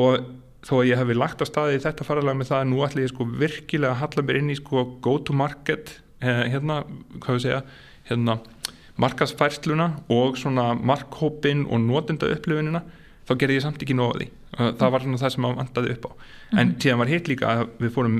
eða ég fór og við svona stopnendahópurinn fórum líka miklu meira með opinu augun inn í fjármögnunar söguna og fel fyrirtækisins við, mm hérna, uh, við höfðum orðið þau, þau tengst og höfðum þau þekkingu sem við hérna, þurftum á að halda þess að gera þetta bara mjög vel og halda vel utanum það og fara svona, svo veist, allavega stað inn á þennan fjármögnunar stiga sem að maður heyrir í svona flestum um, velgengnisögum að hérna, það er farið að stað og það eru, það eru fjárfestar með mjög snemma í einhvers konar sko, sít fjármögnun og, og síðan hérna uh, og síðan þar eftir framveitur göttunum í að fjármagna sko, stjóra fjárfestingu í uh, tækni, vöru og uh, markasókn þanga til að þú ert komin á þann stað að þú getur í rauninni, þanga til að þú ert komin á þann stað að þú getur valið hvort þú ætlir að hagnast eða fjárfesta meiri vexti mm -hmm. það, er svona, það er í rauninni sko, stíi sem að hérna, við erum ekki komin ángað en það er í rauninni stíi sem að þessi leikur við erum að tala um leik mm -hmm. snýst um að komast upp á, þú ert komin þangað þá ert með pálmann í höndunum ef þú, þú ert komin á stað þar sem þú getur sagt fyrir hvern dollara sem ég seti að fá einn nýja viðskiptavinni þá veit ég að ég fæ þrjá dollara tilbaka á næstu fimm árum ef að það er bara eitthvað sem við getum bent á og sagt þetta er raunveruleikin, mm -hmm. þá er allir vegið færir eftir það mm -hmm. Og hérna það hefur gengið vel að hérna, fjármagna fyrirtækið uh, og, hérna, og þeir tóku snemma inn í rauninu svo kalla svona engla ránd uh, hérna, upp á uh, miljón miljón dollara. Og svo í rauninni bara mjög stutt eftir, eftir það þá fóruð í, í svona ákveðla stort uh, sídrand eins og það kallað. Mm -hmm. hérna, þetta þessi fjármjörnulota sem kemur eftir englafjárfærstingunum og takir þar inn 3,5 miljóna dollara mm -hmm. og síðan núna 2020 alveg hérna 12 miljónir bandarækjadólara og þeir eru náttúrulega með þarna alveg uh, mjög flotta erlendasjóði inni eins og hérna uh, NEA sjóðin og hérna ég sá að Slack uh, sjóðin mm -hmm. er hérna líka inni sem er svona mjög þekkt svona Uh, svona samskiptatól sem mörg uh, fyrirtæki nota uh, getur sagt okkur aðeins frá svona svona ef ég fæ að sleppa svona þínum svona eh, tips en, en triks í hérna í þessum fjármögnunar fasa og því að ég veit náttúrulega fyrir víst að þetta hérna þvælist fyrir uh, mörgum frökulum mm -hmm. og hérna já þannig að svona bara hvernig bæði þú skipulegur þetta og svona, ferði gegnum þannan fasa eins og með gritt Já, sko hérna þetta er, er rétt, þetta gerist í eh, við erum búin að fara í þrjár fjármögnunar lótur núna við erum í byrjum 1. september 2018 eh, og hérna eh, strax í oktober þá eh, hérna, erum við búin að fá í rauninni kvartningu frá fólki eh, um það að við erum að fara hraðar í þetta heldur en ég ætlaði að gera sem var bara, ég ætlaði svona ég ætlaði að fjármækna þetta sjálfur í kannski ár en við verðum að koma okkur upp prototípu og fara síðan eh, mögulega staði í þetta en hérna við erum bara, já, fáum svona úr ansi mörgum áttum en við séum með það stert case í höndunum að við erum að fara hraðar í þetta. Þannig að strax í oktober í rauninni bara rúmi mánuði eftir að við förum að stað þá ákveðum við að eða þá, við, þá, þá lokum við eh, englarándu upp á miljón dollara eh, og allt frá fólki sem ég hef unnið með áður. Þannig að sko um, ég hef með fullt af, af hérna, eh, ábendingum fyrir þau sem eru að gera þetta í fyrsta skipti en þarna náttúrulega bjó ég að því að, að sko, við erum komið með fullt af tengstum og eiga sögu sem að svona ég hef almennt leitast við að brenna ekki berýra baki mér eh, að hérna eh, bara fólk sem að ég vildi vinna með og það vildi vinna með mér og það var hægt að koma þessu saman. Eh, þessir miljón dólarar sem við fengum hérna eftir mánuð komu cirka bát helmingurinn af peningunum kom ellendis frá og cirka helmingurinn hér frá Íslandi aðeins meira en helmingurinn af, af, af Eh, þáttakendurum voru íslenskir þannig að það voru aðeins meira frá erlenduðalunum og, og, og svo leiðis en þetta var svona eh, cirka 50-50 og það var mjög viljandi að það var enginn sem að liti þetta ránd ég vildi í rauninni bara halda þessu þannig að, að þetta væri, við vorum að fá einn peningin en enginn áhrif sem við veri, rauninni varum að gefa frá okkur á, á þessum tífampunkti um, þannig að það gekk rosa vel. Um, þetta var í rauninni þannig að ég var búin að tala um hugmyndina í kannski halvt ár árum við fórum að stað við fullt af fólki var búin að setja saman lista af kannski 20 og fimm aðlun sem að ég held að myndi mögulega vilja uh, hafa uh, hérna, taka þátt ef við færum og leitiðum að penning uh, nifti í 20, þessa 25 og 22 sögðu já. Mm -hmm. þannig að hérna, það var í rauninni kannski sko, meira en ég átti vona að, hérna, Þetta er vennilega ekki endilega hérna, raunverulegi fólks en, en þarna hefur að sjálfsögðu hjálpað að þú hefur náttúrulega stopnað mörg fyrirtæki og líka átt þetta svona góða exit að, að baki. Já, klárt. Sko það sem ég held samt að allir geti, geti tekið með sér úr akkurat þessu er að hérna, þetta er ekki þannig að, að þú fari bara hérna, ég ætla bara að fara á fjárfestafund og nú er ég búin að fá fund með einum hérna, fjárfestingasjóði og þá er ég bara komin langt með þetta. Þetta er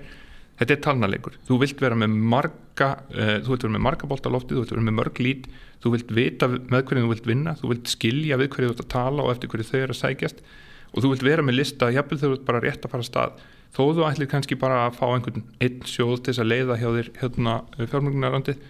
vertu með reynda að koma af stað samtali við 5-10 sjóði að lámarki af því að sko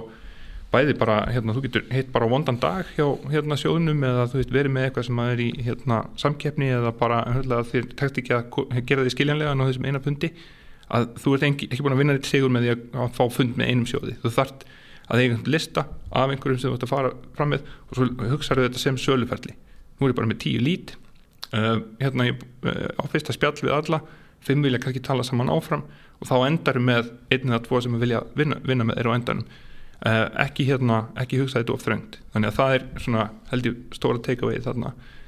Uh, svo gerist það í okkar fjármjörnusögu eftir þetta þá fer bara, það er eitthvað í sko, þetta er þarna þá í sko lokast 2018 og byrjunast 2019 að það er eitthvað við það sem við erum að fást við og tímasetninguna uh, og bara svona það, þarna er sko náttúrulega bara fjármögnunin heimurinn er á, er á miklu flugi, mikill uppleið uh, og þó að hann hefur nú flóið ennþá herra eftir þetta sko að hérna það er eitthvað við það sem við erum að gera og tímasetninguna sem bara, það er fullt af fólki sem við tala við okkur, bara fyrrabræði eftir að við erum búin að, þetta fyrir ná það sem gerist þarna, það er einhver sko fjármögnunar ránd, það eh, hérna endar hérna á Crunchbase sem allir fjárfestar fylgjast með og þá bara já, að fjár, fjármagnar fyrirtæki í þessu spacei uh, fullt af sjóðum sem eru einhvern veginn búin að, já, það, hérna, ég held að sé eitthvað spennandi að gera í þessum geira og þessu tækifæri þessum geira að við förum bara að fá fullt af fjárfestingasjóðum sem hafa samband við okkur þó að við séum ekki búin að vera starfandi nema í einhverja þrjá-fjóra mánuði mm -hmm. og í byrjunast 2019 vorum við þeirri stöði sem ég hef aldrei verið í áður og er rauninni ekki, ekki síðan heldur. Að það eru bara þrýr sjóðir sem er búin að leggja á borðið termsheet og segja við viljum vinna með ykkur. Uh, og hérna við getum valið úr. Og veljum þá í rauninni að vinna með sjóði sem heitir Blue Yard sem er staðsendri í Berlin en fjárfæstir út um allan heim. Uh, og þau leiða þarna ránd upp á 3,5 miljón dollara. Og við nótum það síðan til þess að byggja í rauninni, uh, við komum með alfa útgáðan út áður en að við gungum á samningu við þau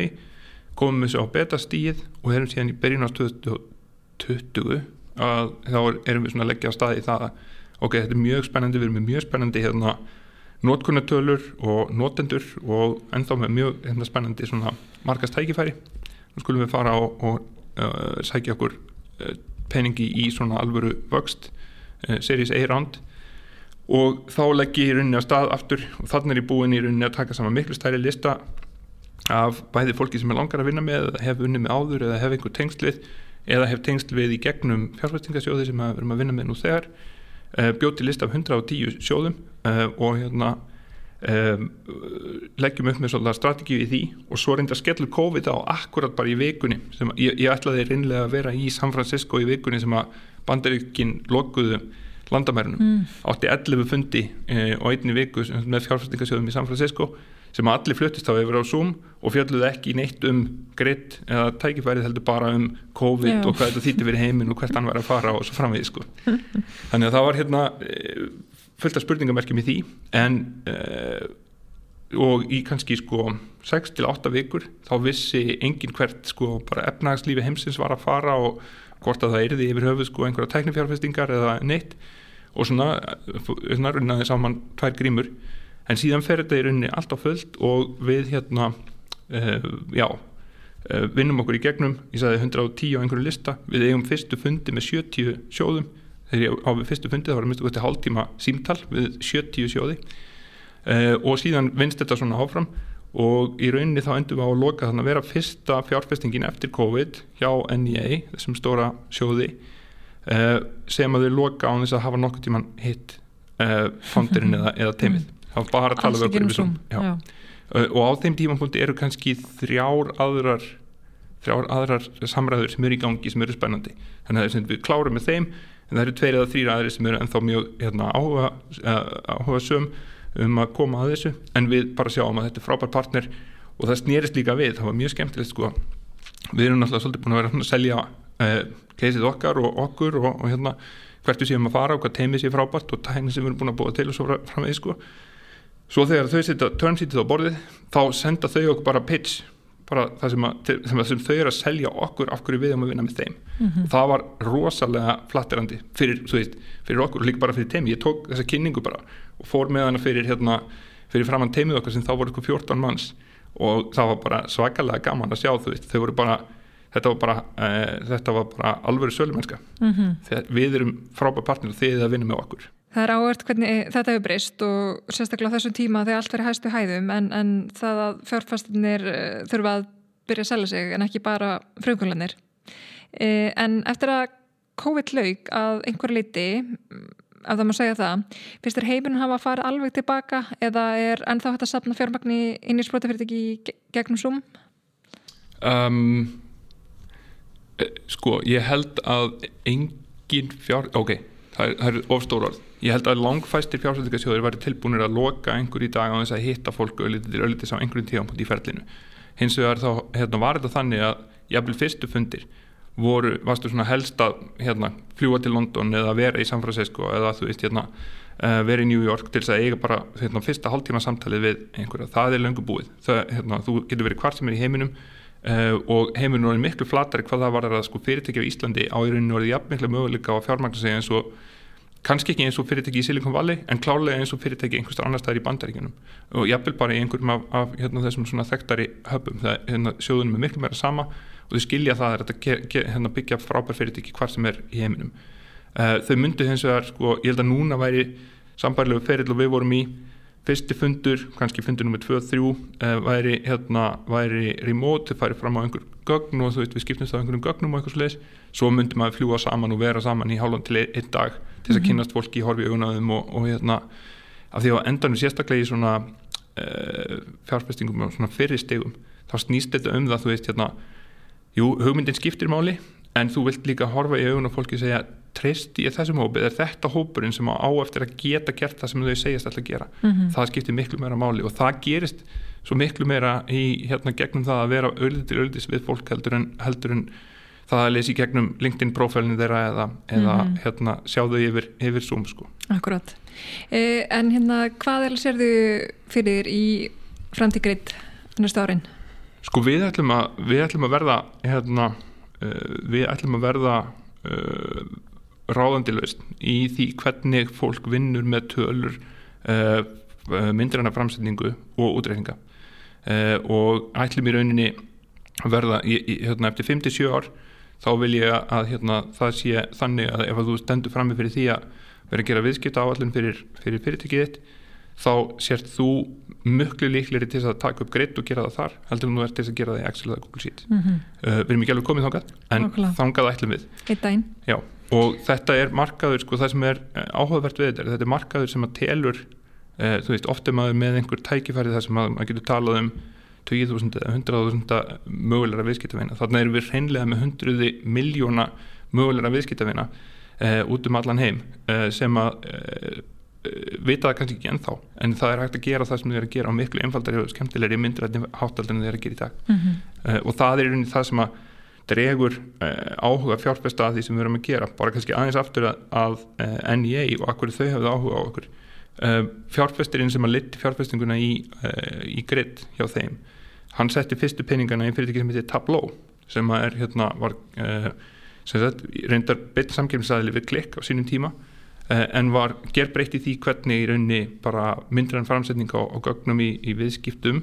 var gerð. Eh, þau, hann seti fyrsta penningin inn í það 2004 fylgdi því síðan upp þá, var, þá voru það e, þá var markasverðmætti fyrirtækisins 10 miljón dólarar e, og hann satt í stjórn þess fyrirtækis til að það var selt til hérna til Salesforce fyrir næstu því 19 biljón dólarar þannig að mhm. hérna mm -hmm. þau vita það að það er að búa til penninga í þessu þessu mm -hmm. spesi. Nákvæmlega. En svona lókum ef þú horfir tilbaka hverju ertu stoltastur af? mjög bandarisk spurning Já, ég held ég sé stolt eftir af um, fólkinu kringum mig uh, það sem ég áfum með því er að hérna, ég held ég sé stolt eftir af því að hafa komið saman uh, og tengt oft frábært fólk saman uh, til dæmis, já, alveg frá því að hafa kynnt það og svo leipur það hérna og, og gerir eitthvað frábært saman. E, yfir í það að hafa komið saman frábærum vinnustad þar sem fólk, fólki líkar vel að vinna og vinnur vel saman og nær að læra nýja hluti og, og nær því besta út úr, út úr sér. Uh, þetta er svona eitt af því sem hefur komið mér bara óvart á ferlinum hvað ég hef gaman af því að sko einhvern veginn ég ætla ekki að segja, ok, ég ætla ekki að segja að stýra fólki en heldur en að búa til umhverfi fyrir fólk til þess að, til þess að blómstra uh, og það er í rauninni fátt sem að þetta er svona gerst aðeins hérna upp á síðkæsti, það er fátt sem að gefa mig meira heldur en þegar fólk kemur til mín. Kannski einhver sem að um, ég hef hitt einu sinni á fundi eða í einhver unni, unni með áður eða eitthvað. Og það er svona hérna þakkar fyrir að þú veist um, þakkar fyrir að ég hafi haft einhvers konar jákað áhrif og þá er ég ofta ekkert meðvitaður um að ég hafi haft einhver áhrif á fólk heldur, veist það það hérna uh, sá það sem ég var að gera sem fyrirmyndað einhverju eða það var eitthvað sem ég sagði það gerði sem að fekk þess að breyta hvernig það hugsaði um eitthvað og það leti af sér goða hluti. Mm -hmm. og ég er rosalega stoltur þegar ég heyri þannig. Mm -hmm. Índislegt eh, Hjálmar Gíslason, takk kærlega fyrir komuna. Takk fyrir mig vilt heyra fleiri sugur af aðtapnafólki þá hveti þið til að íta á subscribe-knappin á hlavarspeitunni þinni og fylgja okkur á samfélagsmiðlum. Ekki missa af næsta þætti